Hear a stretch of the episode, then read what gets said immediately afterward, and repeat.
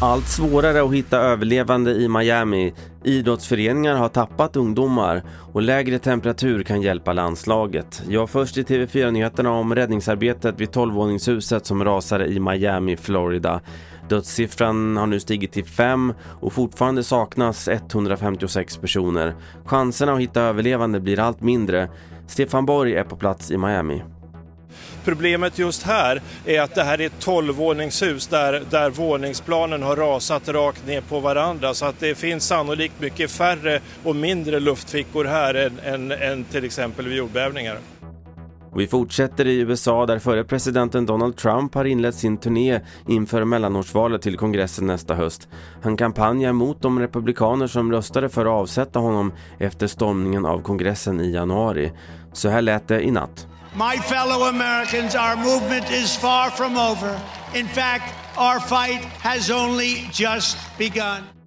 Sverige. Tre av fem idrottsföreningar uppger att de tappat ungdomar under pandemin. Det visar siffror från Riksidrottsförbundet.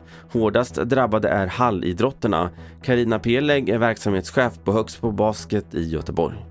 Vi förlorar ju inte bara våran talang i de här åldersgrupperna. Vi förlorar också domare, vi förlorar ledare.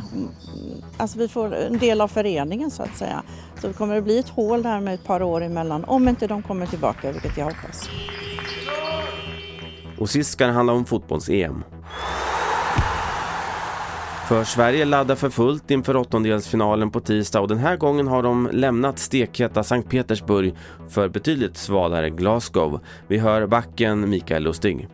Det har varit jobbigt. Har man ett löp när det är 35 grader så, så tar det tag innan man återhämtar sig. Eh, nu när vi kommer till lite friskare luft och lite kallare så tror jag absolut att vi kommer löpa mer och det kommer säkert förhoppningsvis gynna vårt eh, offensiva spel. Det var senaste nytt från TV4 Nyheterna. Jag heter Carl-Oskar Alsen.